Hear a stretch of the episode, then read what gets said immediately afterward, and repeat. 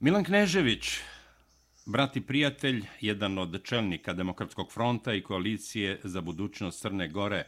Brate Milane, Bog pomogao, dobrodošli ponovo na talase Srpkog radija Čikago ovog momenta, dakle prvi put ekskluzivno kao pobednici izbora i rušenja režima Mila Đukanovića te kleptokratske mafijaške vlasti.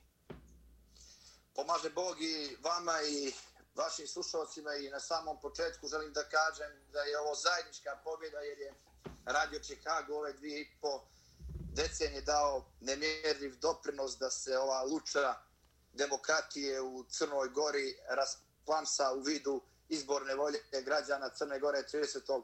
avgusta i da se zajedno proveselimo i sa one strane okeana i pošaljemo snažnu poruku o vjeri u pobjedu i sabornosti, iako je možda u onom smutnom januaru kada je donesen sramni zakon o slobodi vjeroispovijesti izgledalo da je Crna Gora potonula u jedan totalitarizam. Ipak je, čini mi se, crnogorski narod dostojan svojih predaka, odgovoran prema svojim potomcima, pronašao sve ono što je njegoš opjevao u Gorskom vincu i Marko Miljanovu u, u primjerima čovjstva i junaštva, da sad možemo da proglasimo pobjedi, da se zahvalimo, zahvalimo svima koji su nam pomogli u tome, a Radio Chicago je jedna od perjenica u toj pomoći.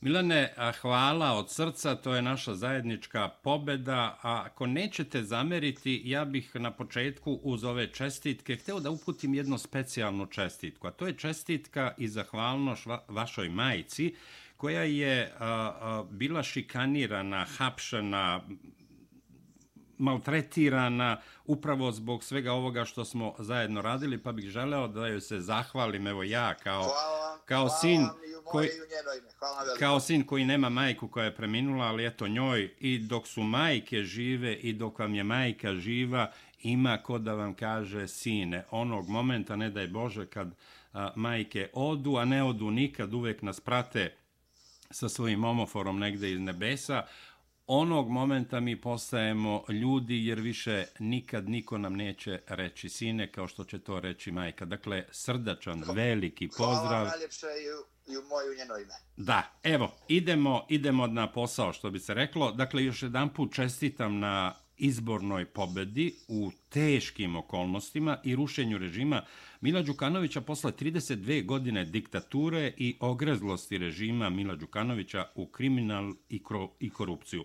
Mnogi kažu da ste posle 75 godina u stvari porazili komunizam u Crnoj Gori.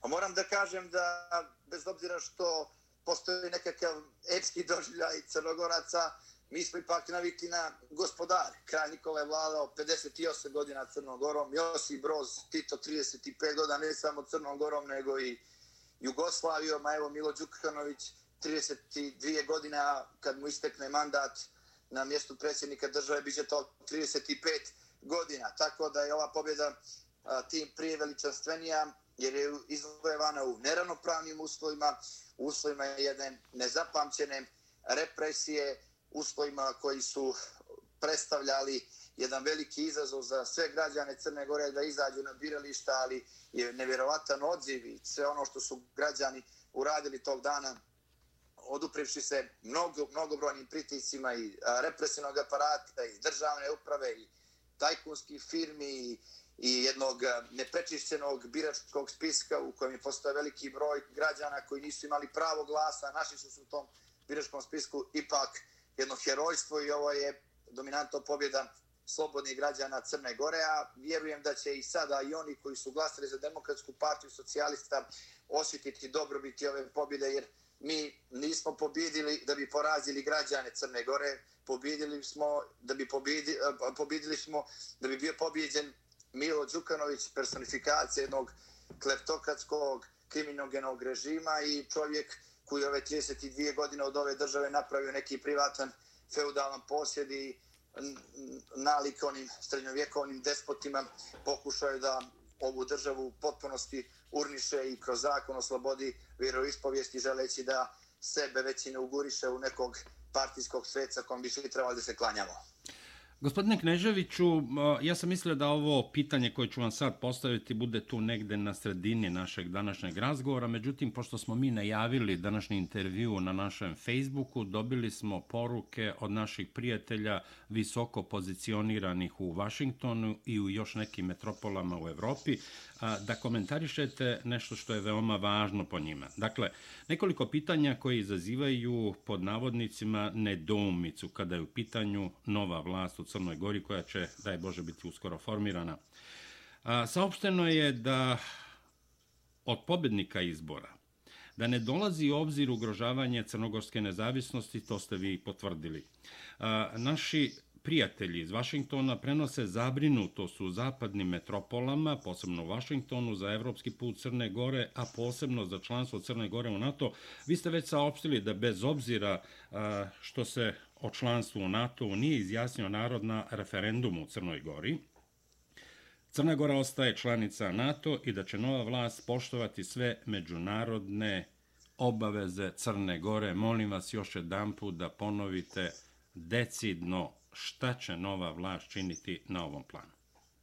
Tako je, mi smo se u izbornoj kampanji suočili sa jednim monstruoznim optužbama od strane naše političke konkurencije, posebno u liku Mila Đukanovića i Duška Markovića, da ćemo, kad pobjedimo ili ako pobjedimo, ili ne daj Bože pobjedimo, Crnu Goru vratiti u nekakvu klerikalnu tvorevinu, da ćemo je vratiti u period srednjovjekovnog mraka, ili u neki teokratski način vladavine, da ćemo sve manastire raščergati i odnijeti za Srbiju, da ćemo mošti naših svetaca prebaciti u Narodni muzej Srbije i sve ono što predstavlja jednu monstruoznu, udbašku i a, rekao bih patološku potrebu da se mi dodatno targetiramo i predstavimo kao antidržavni elementi koje ne treba samo pobediti, nego ih treba i likvidirati. Ja sam već u nekoliko navrata saopštavao, a poču da saopštim i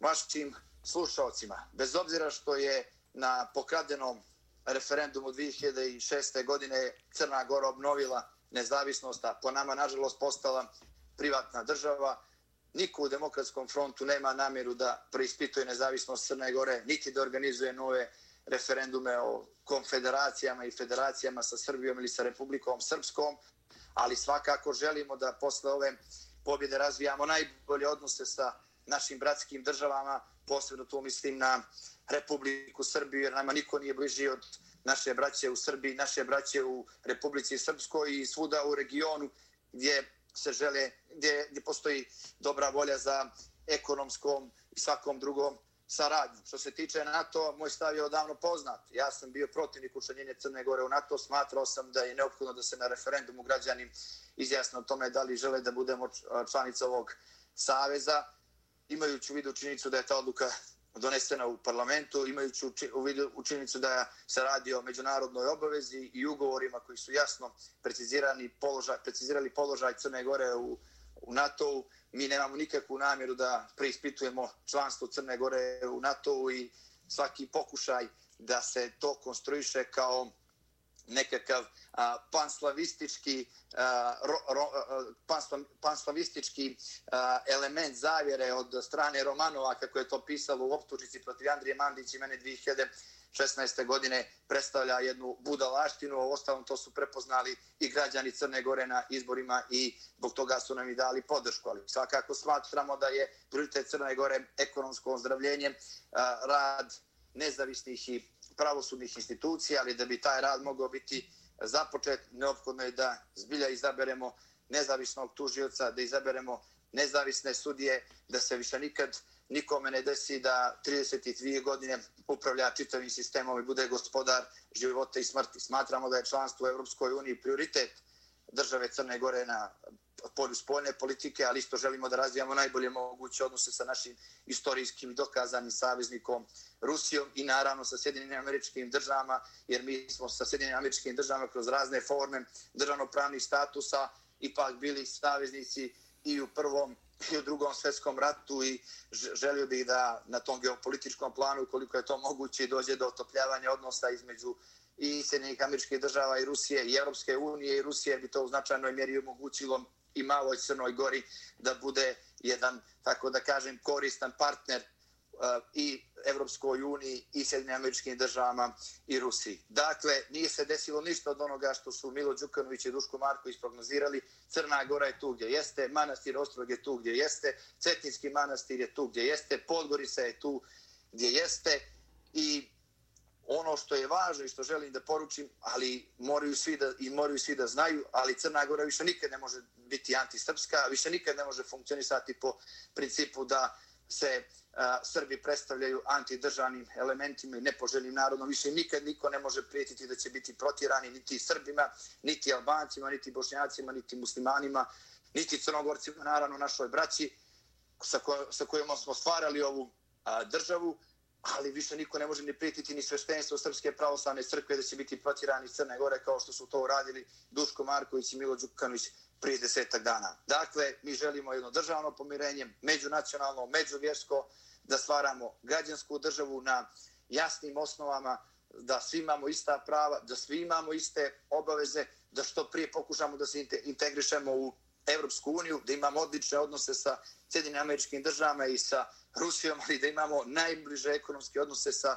Srbijom, jer smo mi i a, i bratski, i duhovno, i kulturološki, i istorijski, i, i prevashodno ekonomsko, ekonomski u ovom trenutku upućeni na Srbiju. Ako to neko ne želi da vidi, onda ima ozbiljan problem sa doživljajem neke nove političke stvarnosti koja zade se od Crnogoru. Gospodine Kneževiću, malo pod pitanje u vezi sa, sa ovim što ste rekli. Da li će se nova vlast obračunati sa tim koketiranjem sa ustaštvom i fašizmom, režima Mila Đukanovića, što je vrlo važno i naravno naši prijatelji iz Vašingtona sugerišu da se to apostrofira, jer Milo Đukanović se zaklinje u antifašizam, ali sve što je činio, činio je da koketira sa ustaškim pokretom, sa svim onim što je bio Sekula Drljević i tako dalje. Nažalost, mi imamo činjenicu da se u našoj himni nalaze čak i strofe uh, ustaškog ideologa u Crnoj Gori Sekule Drljevića, čovjeka koji je na svaki način označen kao jedan od najbližih saradnika Anta Pavelića i nažalost imamo jedno, u jednom dijelu društva povampireni a, fašizam i ustaštvo usmjereno prema Srbima.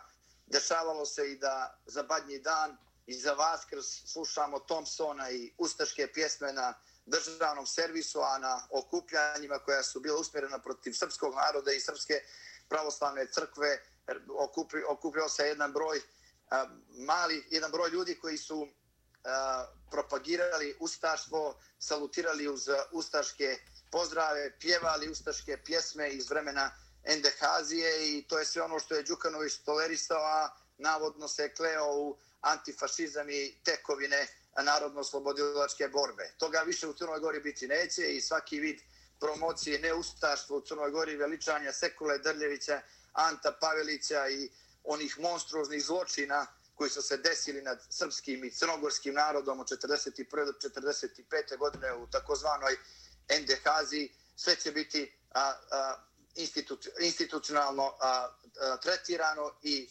nikad se više niko neće moći obračuno, obračunavati ni deklarativno sa uspomenom na stradanje našeg naroda a, u drugom svetskom ratu.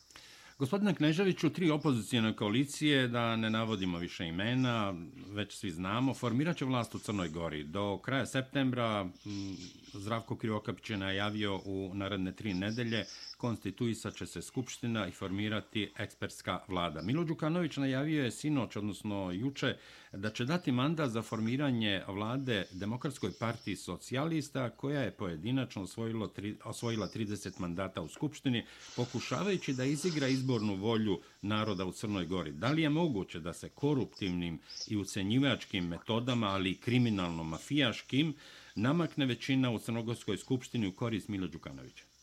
To je nemoguće. Milo Đukanović pokušava da obstruira i da dobije na vremenu jer rok za formiranje vlade po ustavu 90 dana i on može da da mandat, demok mandat najjače, najjačoj listi, pa je u ovom slučaju demokratska partije socijalista da pokušaju da sastave vladu, međutim više nego jasno da oni u ovom trenutku ne da nemaju 41, već imaju a, eventualno 38 do 35 poslanika i svaki pokušaj takve zloupotrebe izborne volje građana bio bi sankcionisan i od međunarodne zajednice, a vjerujte da bismo i mi na demokratski način našli mehanizme da to spriječimo. Ono što je sasvim izvjesno jeste da ćemo mi narednih 10 do 15 dana formirati skupštinu, izabrati predsjednika skupštine i nadam se već sad kao parlamentarna većina uputiti pismo Milu Đukoviću kao predsjedniku države da imamo parlamentarnu većinu da tražimo manda za sastav nove vlade, bez obzira što on saopštio da će a, to povjeriti Demokratskoj partiji socijalista, već imamo stavove međunarodne zajednice iz Europske unije i Sjedinjenih američkih država da je Milo Đukanović poražen, da su, da su izbori da su izbori jedna demokratska tekovina gdje je vlast sminjena bez ikakvih, bez ikakvih bez ikakvog nasilja ili rušenja ustavnog poredka i sam Đukanović u nekoliko navrata saopštio da njegova partija odlazi u opoziciju i priznaje poraz. Dakle, ja ne očekujem a, nikakva spektakularna dešavanja, tam još manje političke korupcije ili političke prebjege, ono što je najvažnije u ovom trenutku jeste da se taj period tranzicije vlasti završi mirno, iako je neophodno i pod okom međunarodne zajednice, jer mi ne želimo nikakve incidente, niti pozivamo naše glasače, članove i simpatizere da urade bilo šta što bi moglo da ugrozi, odnosno što bi moglo da da povoda agenturama nacionalne bezvjednosti i kriminalnim strukturama koje ovih dana pokušavaju da izazovu međuvjerske i međunacionalne incidente pokušavajući na sjeveru Crne Gore da zavade Srbi i muslimani. Raznovrsni stručnjaci, pod navodnicima analitičari iz regiona, posebno iz Podgorice i Beograda, ukazuju na navodnu slabu kariku u pobedničkoj koaliciji na gospodina Dritana Bazovića, jednog sjajnog mladog čoveka, a, političara i čoveka, pre svega, koji decidno izjavljuje nikada sa Milom Đukanovićem i Demokratskom partijom socijalista neću izdati porazili smo kriminal i mafijašku hobodnicu Mila Đukanovića. U tome prednjače, evo, sino sam gledao nekakav Šeki Radončić, on je, šta li je, ne znam, već on je brat ovog Fahrudina Radončića. On je brat Fahrudina Radončića, jedan od sastavnih dijelova medijske mafije koju je držao Milo Đukanović svih ovih godina. Da, evo, vraćamo se na gospodina Dritana Bazovića, koga je Milo Đukanović u Skupštini Crne Gore nazvao bitangom. Dakle, čovek koji je uh, decidno rekao nikada sa mafijašima Mila Đukanovića i Demokratskom partijom socijalista. Ja nemam sumnje u opozicijni kapacitet potencijala, prevashodno ljudskost Dritana Nabazovića sa kojim se lično znam i mogu reći da smo u dobrim drugarskim odnosima. Uvjeren sam da će on i njegova koalicija biti sastavni dio zajedničke parlamentarne većine i e, nove vlade. Ono što također važno jeste da mi, bez obzira što su stranke manjinskih naroda do sada bili koalicijni partneri Milo Đukanovića i njima upućujemo poziv za saradnju, upućujemo im poziv da budemo zajedno u jednoj širokoj vladi gdje bi oni mogli da ostvaruju svoje nacionalne i partijske interese. To najbolje govori o našoj zrelosti i ozbiljnosti da gradimo Crnu Goru na građanskom konceptu, da je gradimo zajedno sa manjinama i da se niko u Crnoj Gori ne osjeti poraženim zbog pobjede Demokratskog fronta i ostalih opozicionih lista. Tako da je svaki pokušaj satanizovanja Dritana Abazovića strane Šekija Radončića i ostalih medijsko-mafijaških parazita koji su bili u određenim dijelovima tijela Mila Đukanovića svih ovih godina jalov a, i samo će ojačati stavove Drita Nabazovića koji se odnose na demokratizaciju Crne Gore i na stvaranje vlade koja će biti zasnovana na izbornoj volji građana. Ono što je sasvim važno jeste i da je gospodin Abazović zajedno sa našom listom i listom Alekse Bečića nastupao sa jasnih opozicijonih platformi, nastupao sa jasnim opozicijonim stavovima protiv Mila Đukanovića i protiv Demokratske partije socijaliste i, socijalista i sad svaki pokušaj plašenja građana Crne Gore nekakvom a, velikosrpskom hegemonijom i povratkom Crne Gore u srednji vijek, vjerujte da i kod birača Demokratske partije socijalista izaziva smijeh, gađenja u određenim momentima i sažaljenje. Gospodine Kneževiću, jedno realno i rekao bih po meni veoma razumno pitanje, ja upravo mislim na ovaj način. Niko, dakle, rekao bih baš niko, ne razmišlja o tome da će zbog poraza Mila Đukanovića i Demokratske partije socijalista neki časni članovi Demokratske partije socijalista, odnosno poslanici u novoj skupštini Crne Gore, koji nisu uprljali svoje karijere nečasnim radnjama, prići pobednicima kao i poslanici manjinskih naroda. Šta mislite o tome? Ja smatram da je Demokratska partija socijalista stranka koja mora da doživi jednu i političku, ali i ljudsku katarzu. I da je neophodno da ne samo izvuče pouke iz ovog poraza, već i da napravi ozbiljne kadrovske rezove kako bi se mogla kandidovati kao jedna ozbiljna politička grupacija na narednim izborima, ali kako bi mogla djelovati u parlamentu. Ja nisam pristalica nikakvog revanšizma, nisam pristalica kidanja glava, niti smatram da su svi glasači i članovi Demokratske partije socijalista lopovi kriminalci. Ko se ogriješio zakon, utvrdit će nezavisni sudovi i tužilaštvo. Time se neću baviti ja, niti bilo kod političkih subjekata koji će tvoriti parlamentarnu većinu. A što se tiče poslanika Demokratske partije socijalista, za koje pouzdano znam da su pošteni i skromni ljudi, oni treba da odluče kakva će biti njihova politička sudbina, da li će biti pod šatorom Mila Đukanovića koji pokušava svaki čas da ga sklopi da pobjegne za Dubaj ili već ne znam gdje kako bi a, zaštitio neke svoje privilegije ili će se opredijeliti za politički put i razvoj onako kako to očekuje Crna Gora. Što se tiče stranaka manjinskih naroda, oni su dugo vremena bili uplašeni pobjedom demokratskog fronta. Dugo vremena su ih plašili i mojim imenom i prezimenom, imenom, mojih, e, imenom i prezimenom mojih kolega, ali evo kao što možete da vidite, već 3-4 dana ništa se nije desilo u Crnoj Gori.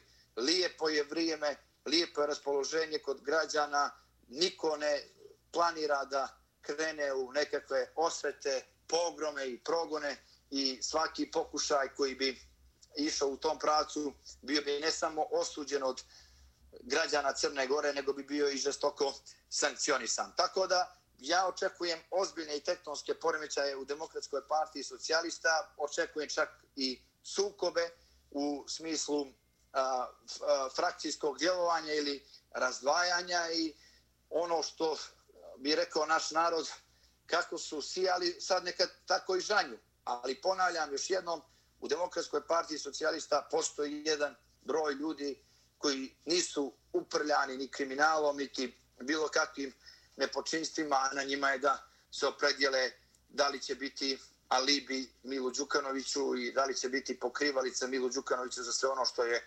uradio ili će se odlučiti da formiraju neke svoje nezavisne subjekte.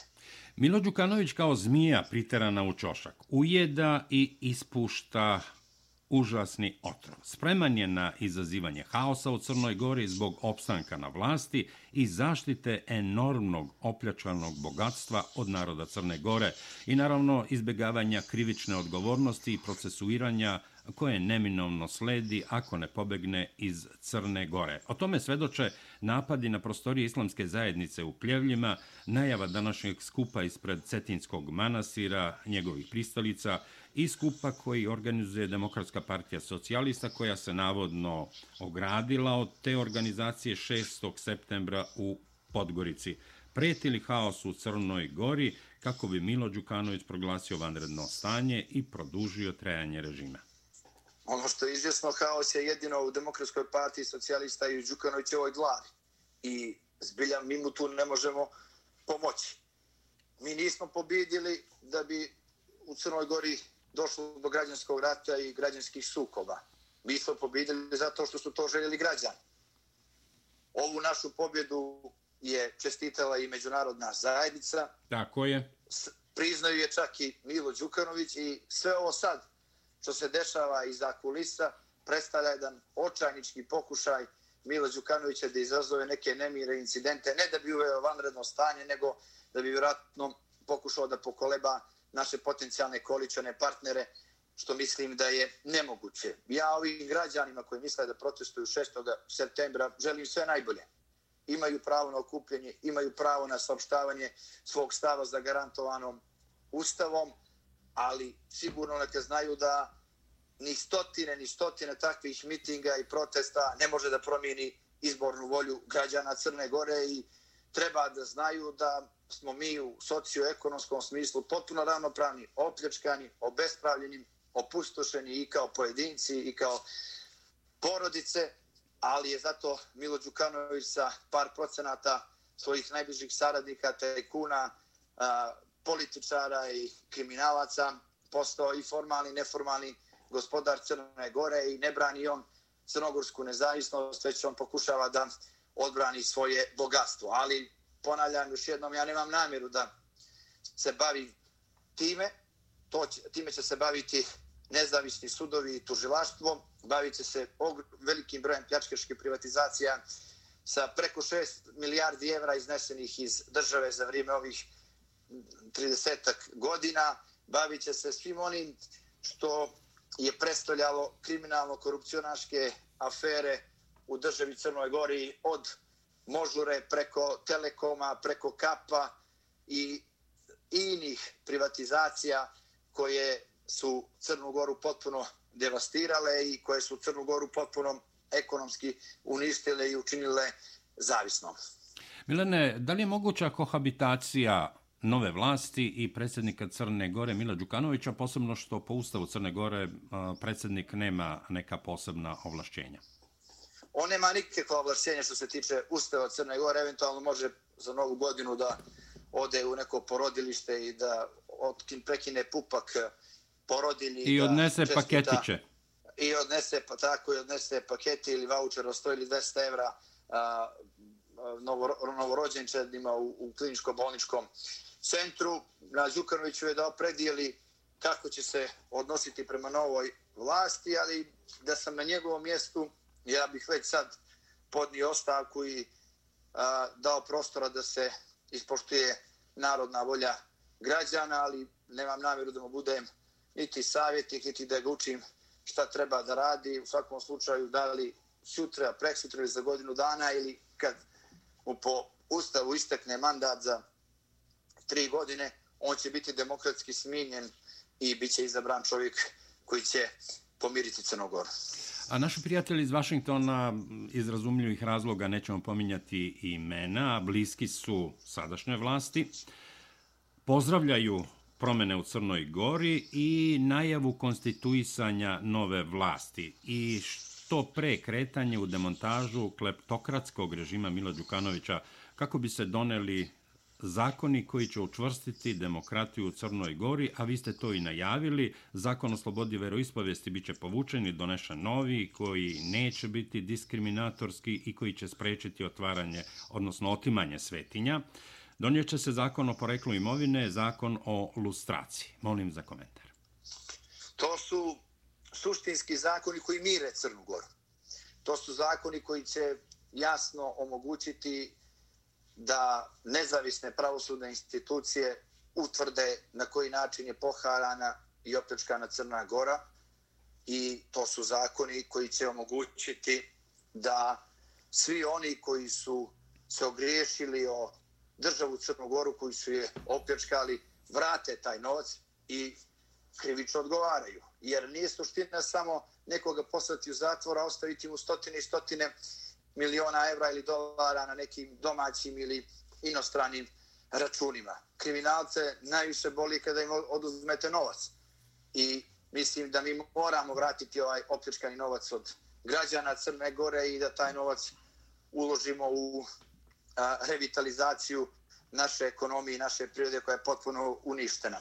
Što se tiče pravosudnih institucija, što se tiče uh, izbora vrhovnog državnog tužioca, specijalnog državnog tužioca i po meni reizbora svih sudija, tu moramo da postignemo konsenzus, jer a, samo tako možemo odgovoriti poglavljima 23, 24, a odnose se na boru protiv organizovanog kriminala i korupcije. Navišu samo jedan primjer koji je izašao u javnost u toku ove izborne kampanje. To je da je sestrić Mila Đukanovića 2005. godine, tada sa nepune 23 godine, postao vlasnik nekretnine na Manhattanu koja košta 900.000 dolara. Dakle, radi se o penthouse-u koji on mjesečno izdaje 5.000 dolara, a mi osnovano sumnjamo da se radi o novcu koji je dobijen od privatizacije Telekoma, gdje je sestra Mila Đukanovića optužena da je učestvovala u korupciji u iznosu od 7 miliona evra. I ono što je također interesantno jeste da je taj novac, da je taj stan plaćen kešom, što će reći da je neko unio u Sjedinjene američke države 900.000 dolara i taj stan kupio kešom. I e, najparadoksalnije u svemu tome jeste da se otac ovog mladića Kolarevića, a bivši zet Milo Đukanovića, Meša Kolarević oglasio i saopštio da je on čovjek koji je kupio svom sinu stan jer je bio veoma uspješan student na Londonskom fakultetu, odnosno univerzitetu. Sad se postavlja pitanje šta građani Crne Gore svojoj djeci od 23 godine mogu da priušte u Crnoj Gori, a kamoli gdje drugo, i šta oni mogu da obezbijede svojoj djeci zato što su dobri, vaspitani i a, a, vrhunski studenti. Ja sam, vam, ja, sam vam, ja sam vam je odgovora, ovo je samo jedan od malih primjera, malih primjera korupcije, da ne govorimo o hidrocentralama i vjetroelektranama koje su postale vlasništvo prve familije Mila Đukanovića i za koje mi na računima za struju moramo svi da plaćamo subvenciju. Tako da će tu biti mnogo posla za nezavisne institucije i da će tu biti mnogo posla za sve one koji žele da vrate opljačkani novac i kapital koji je a, neko, nekolicina, koji su nekolicina ljudi odnijeli ili zarobili u Crnoj Gori. S tim u vezi mala digresija. Dritana Bazović je pre nekoliko dana pokazao dokument, čini mi se, u vezi sa a, aferom Možura i zatražio od policije i pravosudnih organa da se Milo Đukanović uhapsi i privede pravdi. Afera Možura je dobila međunarodne razmere i mogu da se pohvalim da sam je ja prvi pokrenuo još iz vremena postupka za državni udar kada je protiv mene svjedočio počasni konzul Malte Tiziano Masu koji je ugovarao početak tog posla. Jasno je da se radi o kombinaciji azerbeđanskog, crnogorskog i e, malteškog e, energetskog lobija i da su e, interesne sfere bivšeg premijera Roberta Muskata i Mila Đukanovića koji su u izuzetno prisnim odnosima doveli do toga da dođe do privatizacije Možure i da to bude predmet istrage Dafne Karuana, ubijene malteške novinarke, a kasnije smo došli do saznanja koje je saopštio i njen sin, da je ona u stvari, a, a, kada je ubijena, a, fokus svojih istraživanja bila posvetila a, Crnoj Gori, odnosno odnosima između Roberta Muskata, tadašnjeg premijera Malte i Mila Đukanovića. Znači, međunarodni tim istražitelja je došao do jasnih tragova koji vode do vrhova režima, a sada je na redu, opet kažem, nezavisno tužilaštvo i nezavisna, nezavisna policija i u Crnoj Gori, koja bi u saradnji sa ostalim a, međunarodnim organizacijama koji se bave međunarodnim kriminalom, morali da dođu do jasnih dokaza ko stoji iza ubistva novinarke Dafne Karuana i da li su tu miješani crnogorski državljani. Milene, molim vas, ponovo se vraća na Mila Đukanovića. On ponovo igra na nekakvu kartu nacionalizma, navodnog vraćanja Crne Gore u srednji vijek, o tome ste govorili, ali non stop insistira na nekakvom mešanju Srbije i predsjednika Aleksandra Vučića u izbore u Crnu Goru i unutrašnja pitanja Crne Gore, koju navodno Srbija želi da prisajedini Srbiji. Molim vas da komentarišete. Radi one... se o jednoj notornoj gluposti. 2016. godine eh, Đukanović optužio Rusiju i Demokratski front da stoje iza državnog udara koji imao za cilj sprečavanje ulaska Crne Gore u NATO, rušenje ustanog poredka i njegovo ubistvo ili hapšenje u Skupštini Crne Gore i pritom se pozvao na dokaze koje su dostavile bezbjednostne službe Srbije zahvalju, i zahvaljivao se Srbiji posebno naglašavajući da su odnosi između Crne Gore i Srbije najbolji od dolaska Južnih Slovena na Balkan. Četiri godine kasnije spisak spolnih neprijatelja je prošire. Sada je osim a, Rusije ponovo a, uključena Srbija, Srpska pravoslavna crkva i naravno opet unutrašnji elementi u liku demokratskog fronta što najbolje govori o kontradiktornostima i pokušajima da a, Milo Đukanović u toj matrici velikosrpskog hegemonizma pok, a, predstavi sve ovo što se desilo u Crnoj Gori kao prst Aleksandra Vučića i a, potrebu za stvaranjem neke velike Srbije. Nije Aleksandar Vučić, niti bilo kod srpskih zvaničnika se nije uključivao u izbore u Crnoj Gori, što ne bih mogao da kažem za jedan broj državnika iz regiona, posebno Zedija Ramu koji je direktno pozvao da se glasa Milo Đukanović i nijedan od zvaničnika nije doprinio da se na bilo koji način ovdje stvori tenzija među političkim subjektima i među građanima Crne Gore. U konačnom izbori su bili u Crnoj Gori, a ne u Srbiji i a, prozivajući Aleksandra Vučića Đukanović u stvari a, pocijenjuje sobstvene građane predstavljujući kao ljude bez mozga kojima je neko ugradio čip kako trebaju da glasaju i to je još jedan od dokaza zbog čega je Đukanović izgubio izbore jer je pocijenio i ponizio sobstveni narod. Milane, želeo bi da prokomentarišete izjave nekih ljudi, ali posebno, posebno Vuka Draškovića, Nenada Čanka, nije, nije potrebno nekada ni pominjati.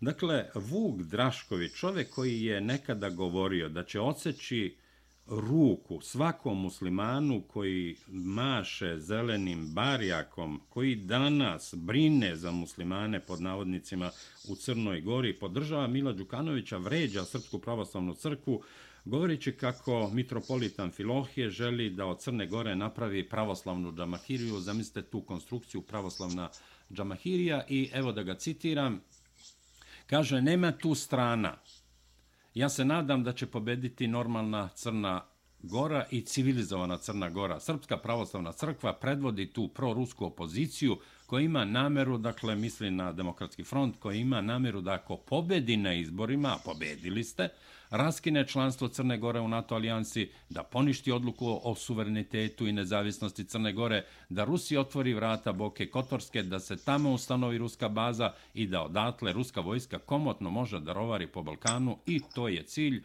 rekao je Drašković i zaključio u Crnoj Gori se između ostalog peva nema Mila, nema Tita, Vladika se ođe pita. Ta isti Vuk Drašković, s kojim ja nisam želeo da se pozdravim u Patrijaršiji, kada je izabran Patrijarh Irinej, i na ustoličenju patrijarha Irineja je bio tamo, ljubio ruku patrijarhu, mitropolitu i tako dalje. Danas izjavljuje ovo, dakle, neverovatne su stvari, s tim u vezi bilo bi vrlo lekovito da se a, Aleksandar Vučić, odnosno Srpska napredna stranka koja je pobednica na izborima u Srbiji, a čiji je član koalicije i Vuk Drašković i njegov SPO ogradi od Vuka Draškovića i ovih uvreda koje sipa i sve snage?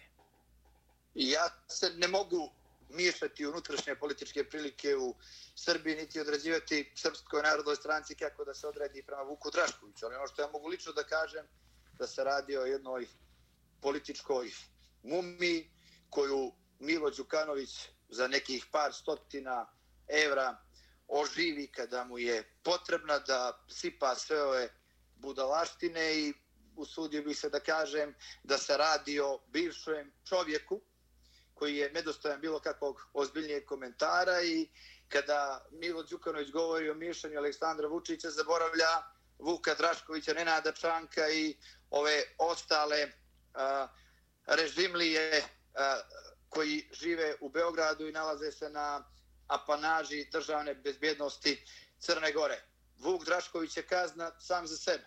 I ja ga negdje i žalim jer vrlo je, vrlo je teško živjeti sa tom njegovom prošlošću, a još teže sa sadašnjošću u kojoj se nalazi i ovako bljuvanje vatre na Srpsku pravoslavnu crkvu i na naše crkvene velikodostojnike, negdje se mora završiti nekim prokletstvom. do duše on je dovoljno proklet time što ga njegova supruga redovno tuče i maltretira kad joj dođe žuta minuta i vjerovatno zato što ne može se suprostavi svojoj ženi, on bljuje vatru za potrebe Mila Đukanovića i zato dobije nekoliko stotina evra, a opet će tih nekoliko stotina evra da potroši na neku svoju sramotu i na neku svoju nesreću, jer Vuk Drašković je poznat po tome da ga možete kupiti za tanjir škampi ili salate od hobotnice i ako je to cijena njegovog analitičarstva, cijena nekog njegovog patriotizma, onda bi najbolje bilo da Vuku Draškoviću se obezbidi nekakav godišnji paušal u nekom restoranu sa morskim plodovima, pa da se, što bi rekli mi u Crnoj Gori, i on jednom ne ije. A, da, Milane, mislim da pocenjujemo o, o, Vuka Draškovića, znate zašto? A neću da pominjem ime i prezime njegovog polubrata sa kojim sam nekad zajedno radio. On je bio neki referent za radne odnose, vodio je zapisnike radničkog saveta, zbora radnih ljudi, koji je danas enorman bogataš, posjeduje nekoliko kompanija i sve mu je to obezbedio Vuk Drašković. Dakle, ajte da kažem ovako, porodica Vuka Draškovića je toliko bogata da može milionima koje posjeduju da pokupuje sve te restorane gdje dolazi besplatno da jede i, i da ima i škampi i sve ostalo. Dakle, Ne želim da pominjem čoveka s kojim sam bio prijatelj u Sarajevu. Radili smo u Sarajevu zajedno. Ja sam vodio informisanje u, u jednoj firmi, urađivao ovaj, novine. Dakle, oni su enormno bogati. Nisu bogati u milijardama kao Milo Đukanović, ali Vuk Drašković, ne treba ga pocenjivati kad je u pitanju njegova ekonomska moć. Radi se o desetinama i desetinama miliona evra.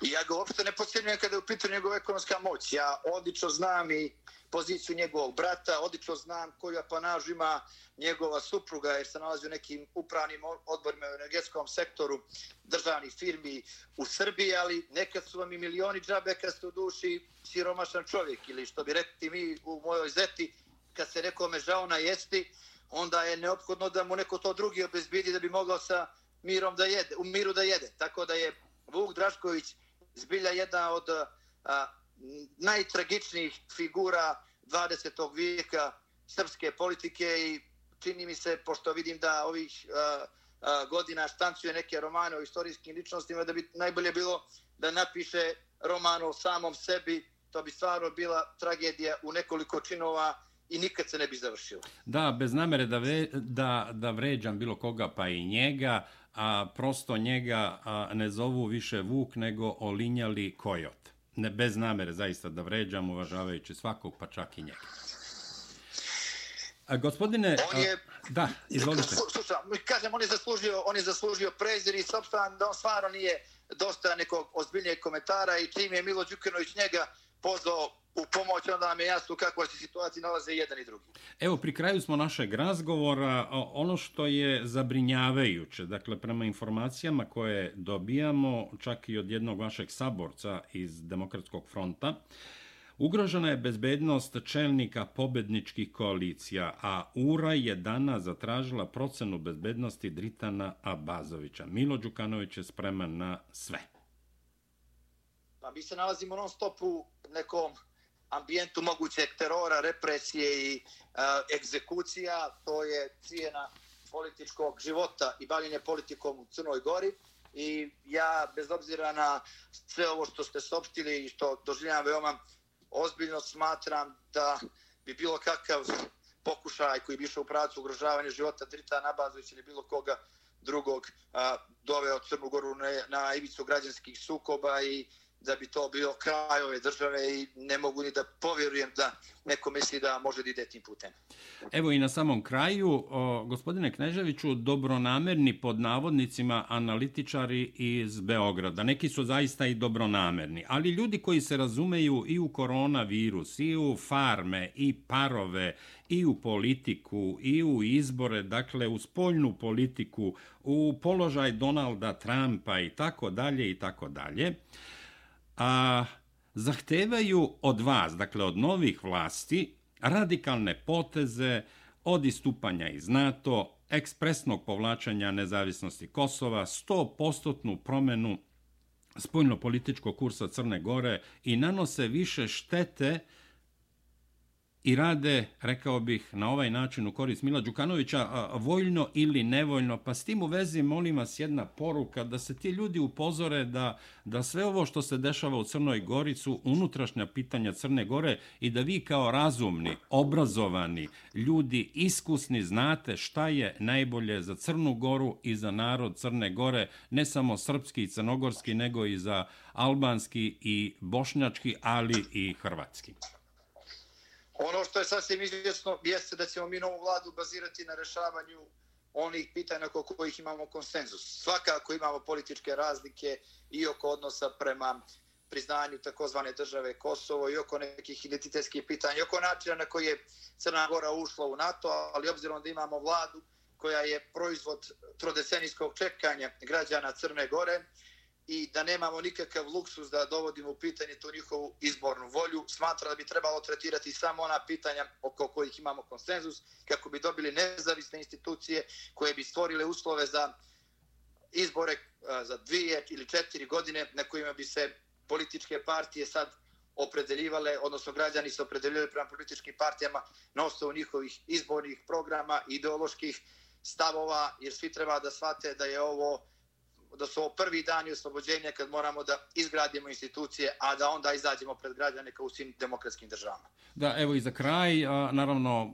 očekujemo i vašu poruku za, za srpski narod, srpske prijatelje i za sve slušalce Srpskog radija Čikago, ne samo u Čikagu i okolini, nego širom Sjedinjenih američkih država. Agencija Reuters, crnogorski predsjednik Milo Đukanović prihvatio pora svoje partije na izborima. Vrlo je važno da i, i takva agencija kao što je britanski Reuters saopštavao?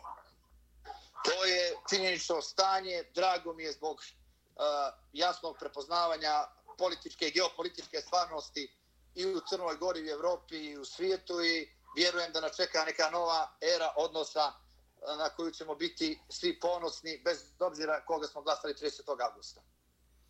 I za kraj poruka ponovo za srpski Svi narod i srpske prijatelje. Radija Srpski Chicago želi dobru sreću, dobro raspoloženje i dobrodošlicu u oslobođenu Crnu Goru. I na dobrobit časne, uzvišene Crne Gore koju je mafijaška vlast Mila Đukanovića unizila, ponizila i devastirala. Amin Bože. Amin Bože. Hvala vam Milane, srećno, Lako, čuvajte se. Živjeli. Pozdravite majku specijalno, molim vas. Hvala lijepo. Prijatno, Živjeli. Bogom. Također.